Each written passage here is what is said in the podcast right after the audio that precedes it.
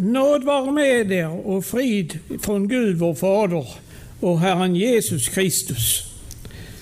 Tack Herre vår Gud för det ord du har mött oss med.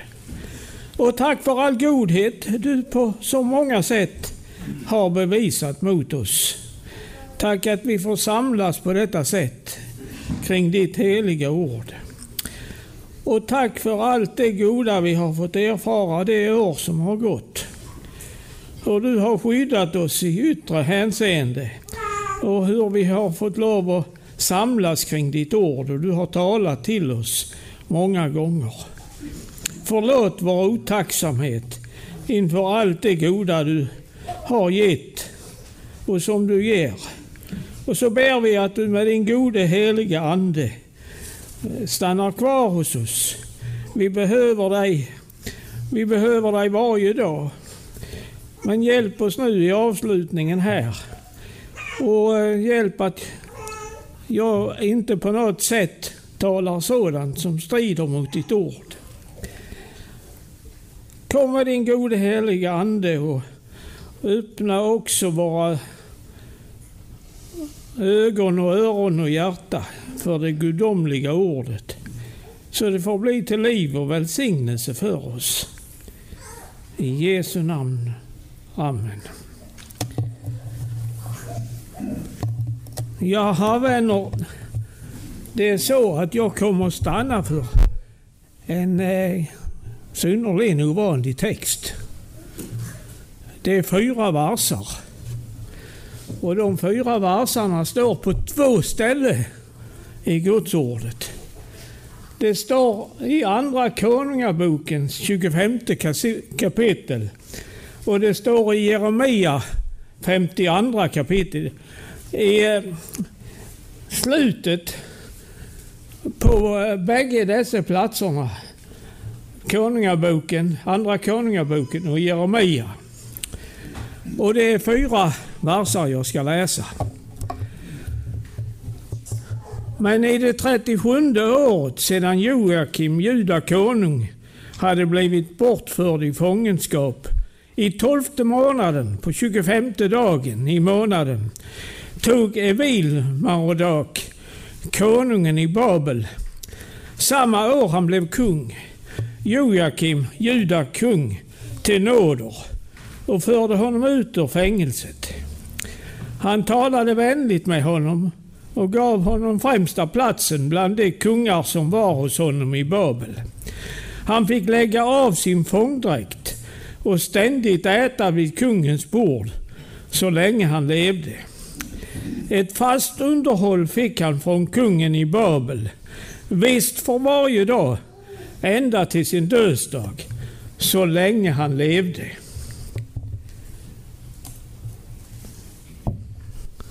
Vi kanske funderar så här och tänker, vad ska denna texten beröra oss som lever 2600 år senare. Ja, för att klarlägga lite grann om det så ska vi läsa ett citat eh, från eh, andra Timoteusbrevet och det tredje kapitlet, sextonde versen. Hela skriften är utandad av Gud och nyttig till undervisning, till bestraffning, till upprättelse och till fostran i rättfärdighet. För att gudsmänniskan skall bli fullt färdig, väl rustad för varje god gärning. Och den här texten kan vi säga, som vi läste nu, de fyra versarna, de spänner över ett stort fält av undervisning. Befrielse ur fångenskap. Bemött med vänlighet. Upphöjd. Och som sista punkt, en garanterad hjälp var dag. Det står där faktiskt i dessa fyra versar. Precis som det denne kung Joakim behövde och som du och jag behöver. nu, inte minst inför det nya året och framåt kommande dagar som vi får leva här. Så behöver vi det underhållet.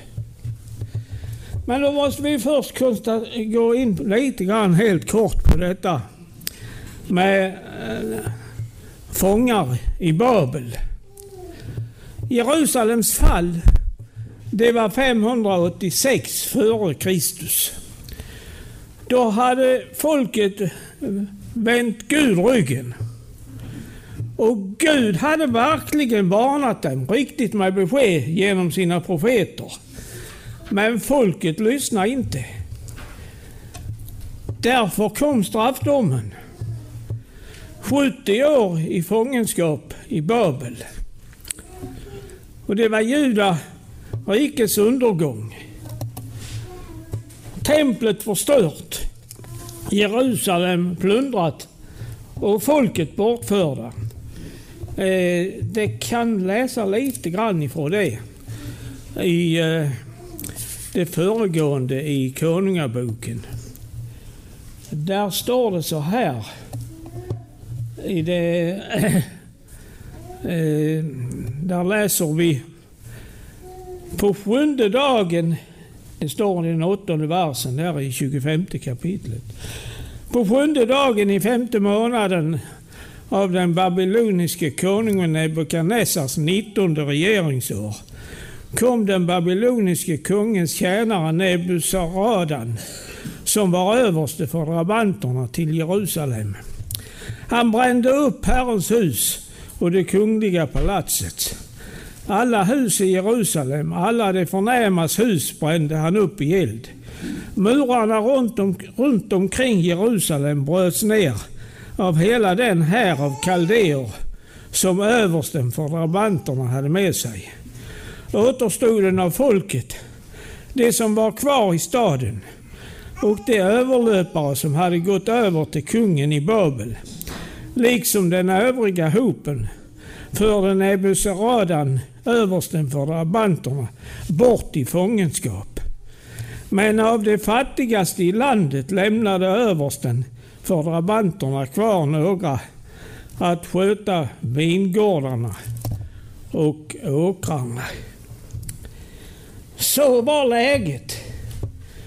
Folket blev bortförda och kungen Joakim, han hamnade i fängelse. Och det läste vi, ja, 37 år i fängelse. Tänk så förskräckligt. Han kände det säkert helt hopplöst. Ingen frihet. Ingen ändring. Ingen ljusning. Där satt han i fängelset. Nu ska vi föra över det på oss. Djupast sett är det vår ställning inför Gud. Det är syndafallets följd. Alla har syndat och är saknade av härlighet från Gud. Står det i Romare 3.23. Och vi påmindes om det i föregående här. Hur synden hänger med. Jag tänkte också jag skulle slå upp Johannes åttonde kapitel. Där undervisar Jesus judarna. Och eh, han talade om för dem där att eh, de skulle få bli i mitt ord, säger han. Så är ni verkligen mina lärjungar och ni skall förstå sanningen och sanningen ska göra er fria. Men då svarade de, oh, vi är fria. Vi är Abrahams barn. Vi har aldrig varit trälar.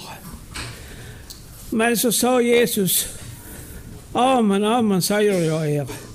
Var och en som gör synd är syndens slav. Eh, man kan väl dra också en parallell här. Att om vi fångas av det som jord och värld hör till, så är vi liksom fjättrade av själarnas fiende. Han är rent av expert på att snarja in människor.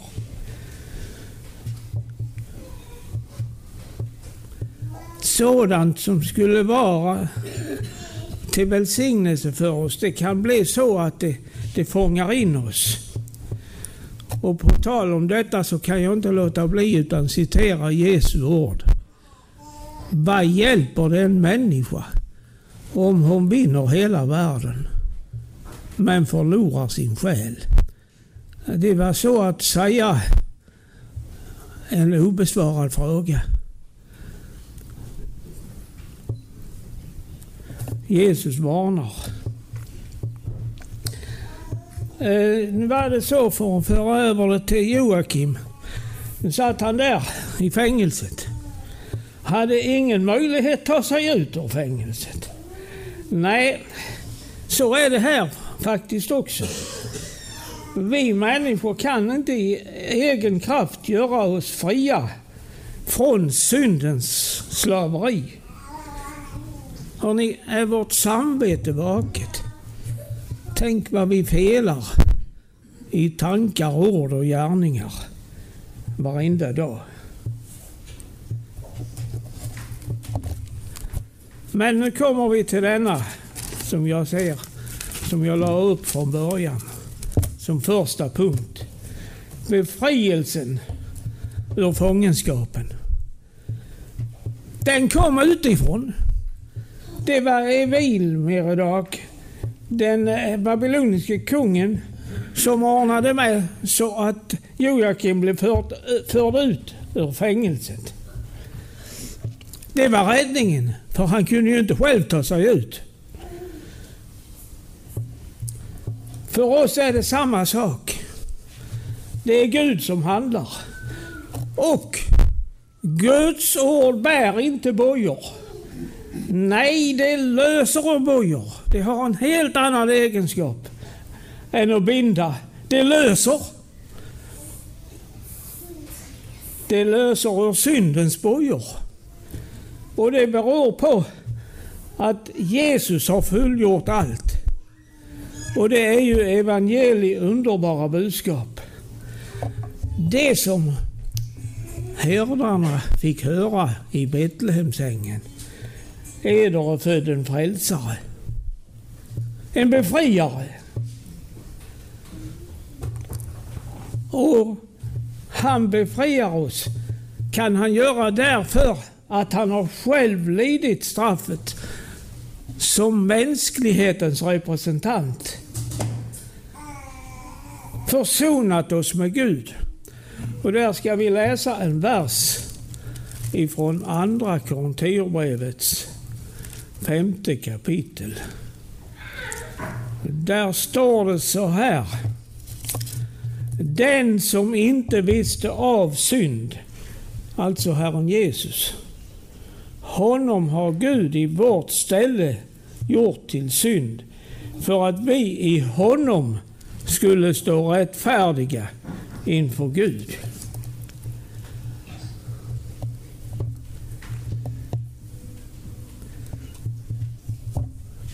Jesus dör på korset, lider straffet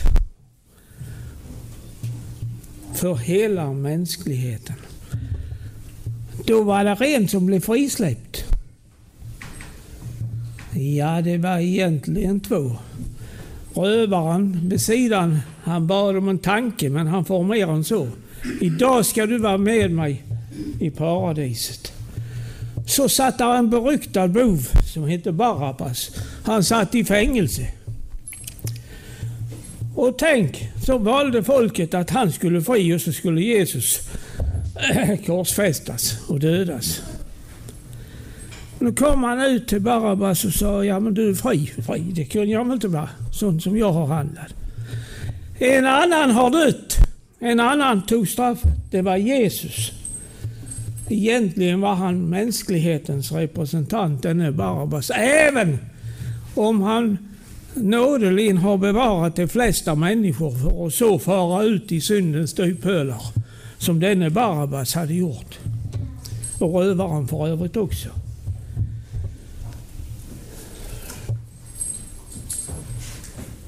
Här har vi kraften av Jesus seger över ondskan, över döden, över djävulens våld. Och så måste vi konstatera här att uppståndelsen, det är ju det stora beviset. Ja, det är kvittensen på att Gud var nöjd med den betalning Jesus erlade för mänsklighetens synder. Gud uppväckte honom. Och det är själva grunden för att frihetens budskap kan erbjudas oss människor. Vi får lov att ta emot friheten. Ja, här vill jag citera igen ifrån eh, det jag läste i Johannes 8. Och längre fram så säger Jesus så här till judarna. Om nu sonen gör er fria så blir ni verkligen fria. Och Joakim, han blev fri. Han blev fri från fängelset. Och då kommer vi till nästa punkt. Han, eh, denne Evil Meridak, han talar vänligt med honom. Och, eh, och så eh, tog han Juda konung till nåder och förde honom ut ur fängelset. Ja, så kan vi stanna inför nästa där. Han talar vänligt med honom. Vänlighet, ja. Det uppskattar vi. Den här Evil Merodak som var kung efter Nebukadnessar. Han hade en helt annan inställning än sin fader Nebukadnessar. För han for fruktansvärt fram. Han, av, han avrättade människor på löpande band och befallde avrättningar och hade folk som utförde det. Men denne Evil Merodak, det var en helt annan ledare. Jag slog upp det i bibellexikon för att få lite mer besked om honom. Men där stod så här att det är egentligen bara de fyra verserna här som handlar om honom. Men han levde 562 före Kristus. Och regerade i två år i Babel. Sen blev han mördad.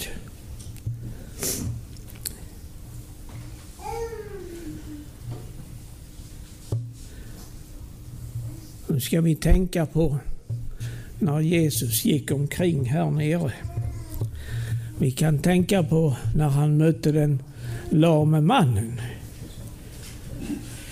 Det står ju i Lukas femte kapitel. Man eh, bar fram honom till Jesus och det var så trängsel så de fick göra hål på taket och så fira ner han framför Jesus. Och vad säger Jesus? Min vän, dina synder förlåtas dig.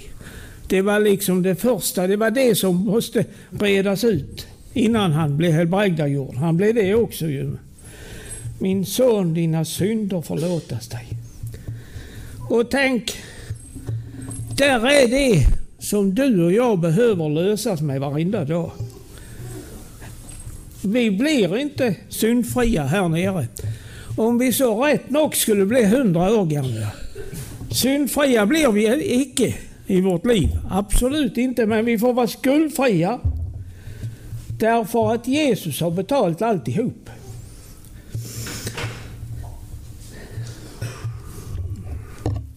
Eh, jag ska slå upp Galaterbrevets femte kapitel. Och eh, där talas just om frihet. Och där står det så här.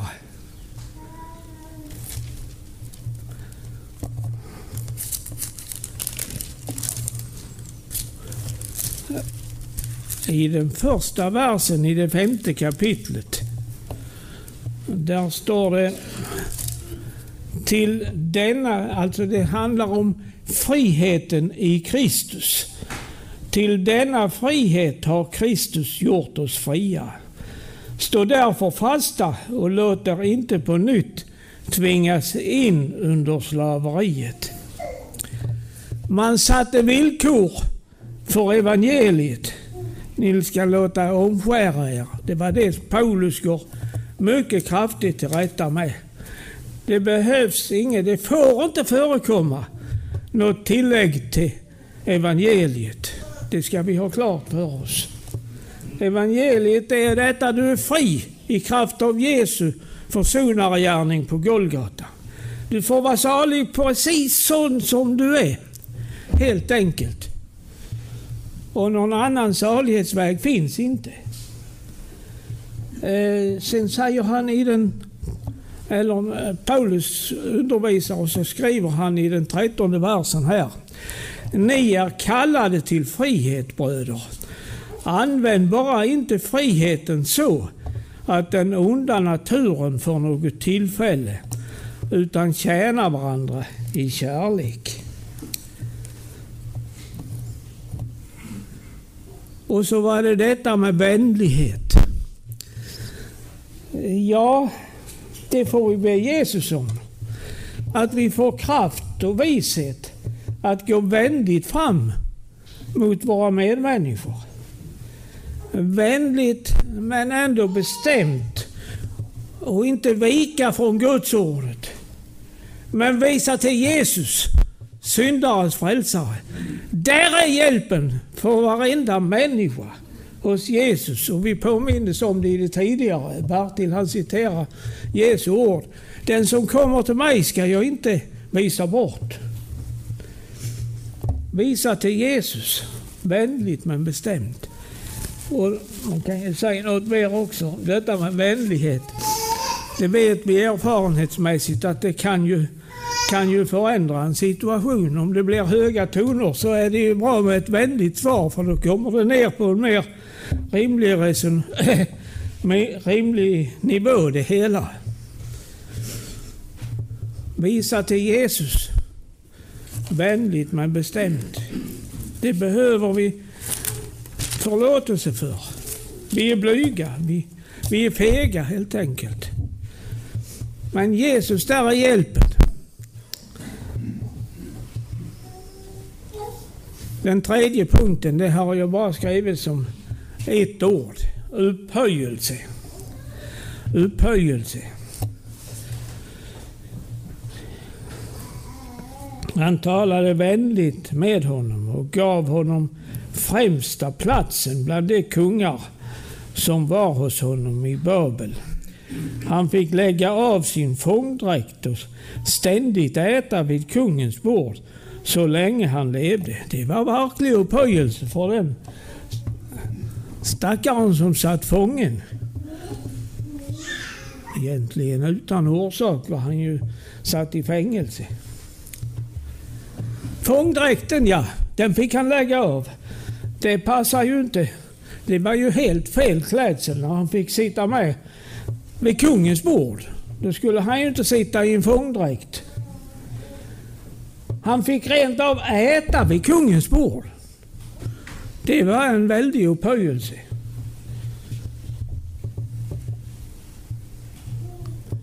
Ja, det var ju så i Österlandet att den man åt tillsammans med, det var inte vem som helst. Det, det var noga med det. Det var väldigt noga. Ja, nu ska vi kort försöka tillämpa det här på oss. Och då kan vi säga om upphöjelsen först. Vi kan börja med den. Han fick främsta platsen bland kungarna där i Babel. Men eh, vi har det på ett annat sätt. I Efeserbrevets första kapitel där läser vi innantill så här. Välsignad är vår Herre Jesu Kristi Gud och Fader, som i Kristus har välsignat oss med all den himmelska världens andliga välsignelse. Liksom han innan världens grund blev lagd har utvaltes i honom för att vi skulle vara heliga och fläckfria inför honom. I sin kärlek har han genom Jesus Kristus förutbestämt att vi skulle tas upp som hans barn enligt sin vilja och sitt beslut för att den härliga nåd som han har skänkt oss i den älskade skall prisas. I honom är vi friköpta genom hans blod och har förlåtelse för våra synder på grund av den rika nåd som han har låtit flöda över oss med all vishet och insikt. Han har låtit oss få veta sin viljas hemlighet enligt det beslut som han hade fattat i Kristus. Den plan som skulle genomföras när tiden var fullbordad. Att i Kristus sammanfatta allt i himmelen och på jorden. I honom, där har vi allt. Där har vi verkligen upphöjelse. Tänk, tänk inte bara benådade utan upphöjda. Jesu Kristi medarvinge vara var Guds barn av oförskylld nåd. Sen stod det att han eh, han fick beständigt äta vid kungens bord så länge han levde. Ja, det står ju där i Jesaja 25 att Herren Gud har, har eh, tillrätt ett gästabud. Ett gästabud med starka vin och rötter. Och eh, det är för alla folk.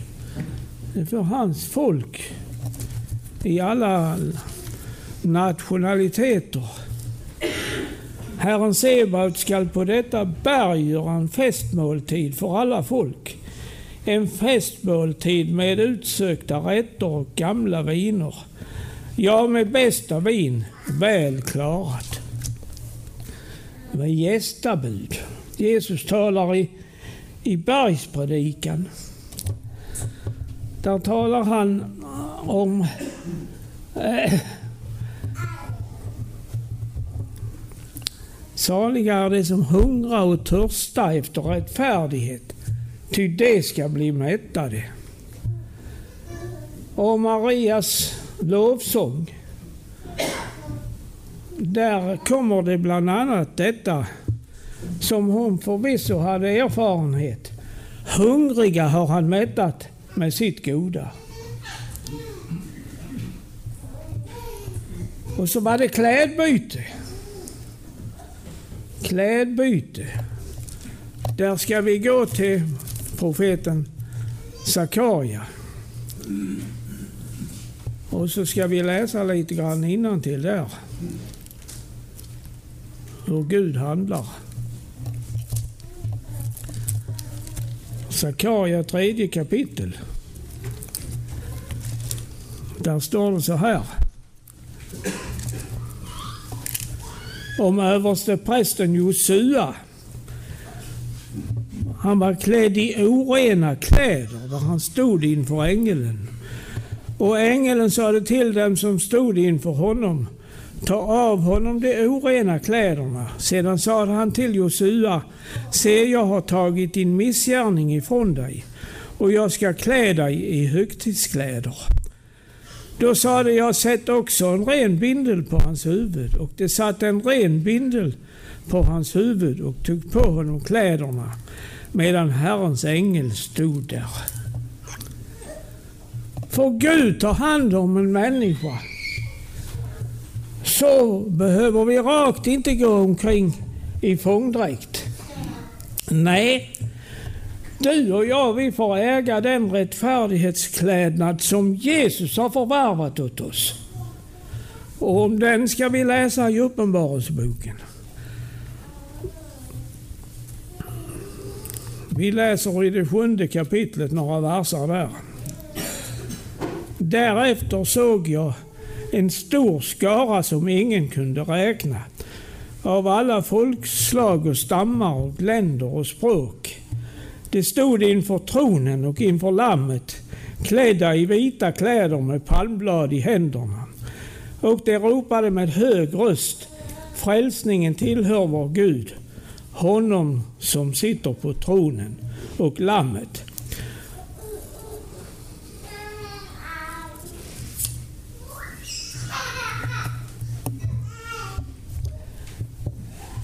Den rättfärdighetsklädnaden får du och jag i tron äga här nere. Men vi får också vara eh, klädda här nere så länge vi lever här nere med en resedräkt. Vi, ännu är vi inte hemma.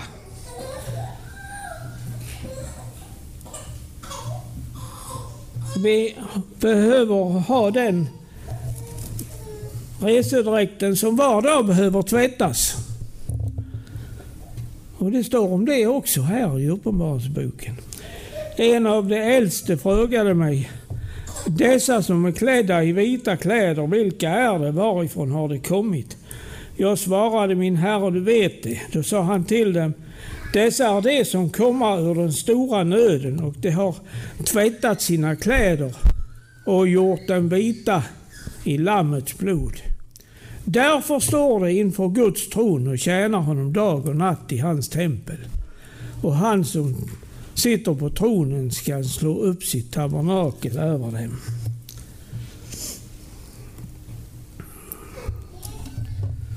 Det var klädbyte. Och så den fjärde punkten jag hade planerat in. Det stod ett fast underhåll fick han från kungen i Babel. Visst för varje dag, ända till sin dödsdag, så länge han levde. Underhåll var dag blev han erbjuden och fick ta emot. Han fick en garanterad pension. Visst för var dag, som Lina Sandell uttrycker. Hon uttrycker det egentligen mycket bra. Som din dag så ska din kraft dock vara. Han ger inte kraften i förskott. Nej, det behövs inte heller. Men som din dag ska din kraft vara. Ja, vad är det vi framför allt behöver? Vad är det som, om vi tänker framåt 2017, vi vet ju inte vad som ligger för oss. Absolut inte. Och väl är det, för det skulle vi inte tåla.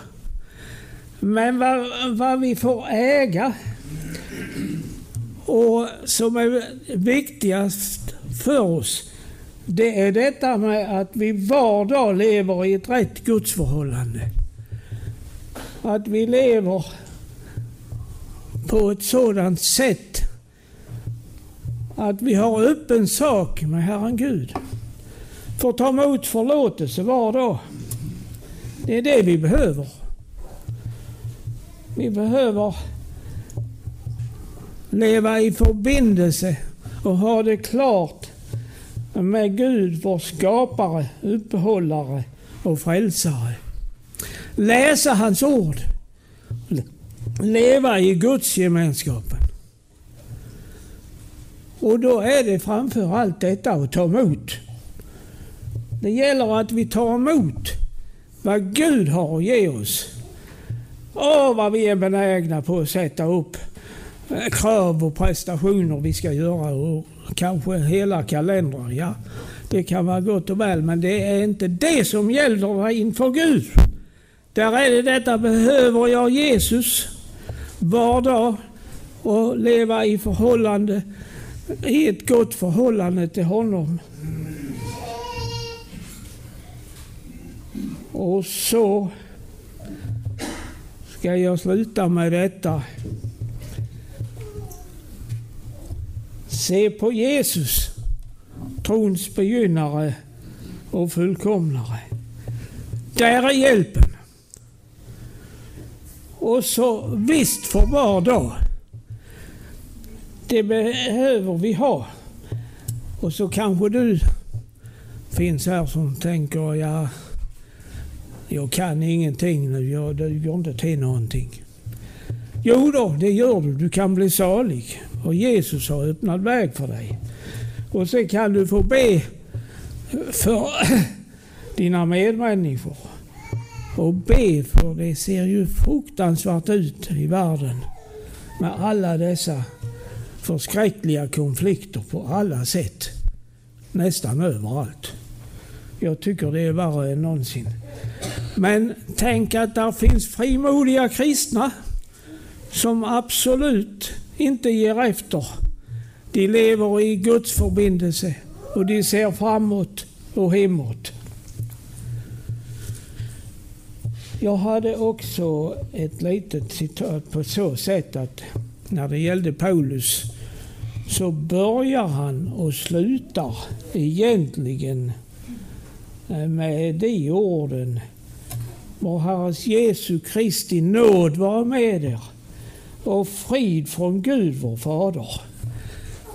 Tänk att få äga det, det är ju gudomlig välsignelse. Det får vi ju äga. Inte tal om vi presterar det. Nej, det har Jesus gjort och vi får ta emot det.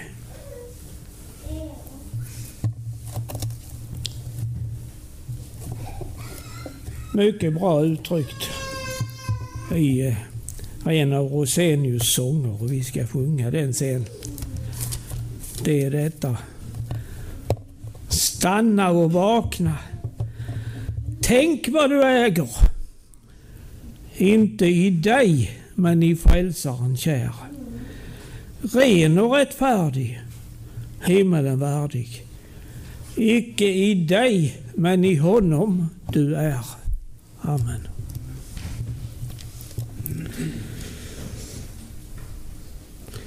Tack Herre vår Gud att vi har en fullkomlig frälsare som har fullgjort allt.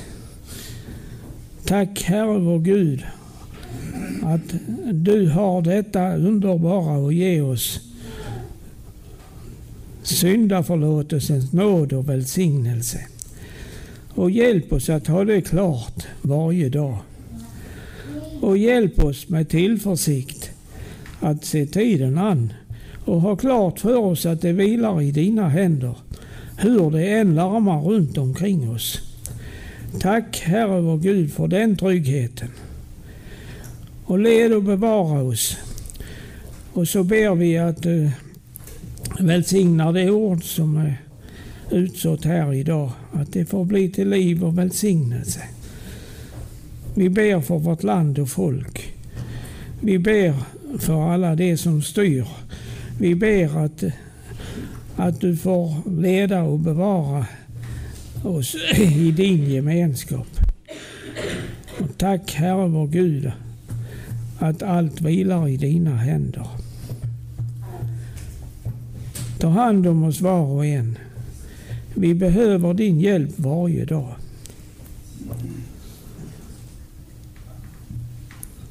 Och låt oss så be Herrens bön gemensamt. Fader vår som är i himmelen. Helgat var det ditt namn.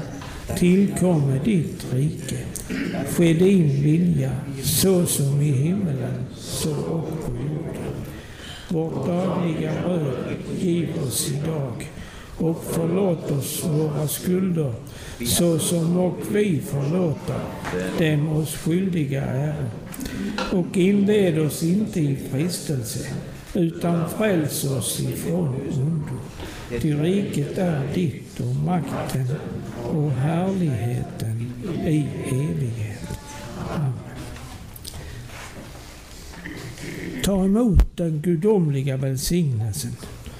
Herren välsigne oss och bevara oss. Herren låter sitt ansikte lysa över oss och vara oss nådig. Herren vände sitt ansikte till oss och give oss frid. I Faderns, Sonens och den helige Andes namn. Amen.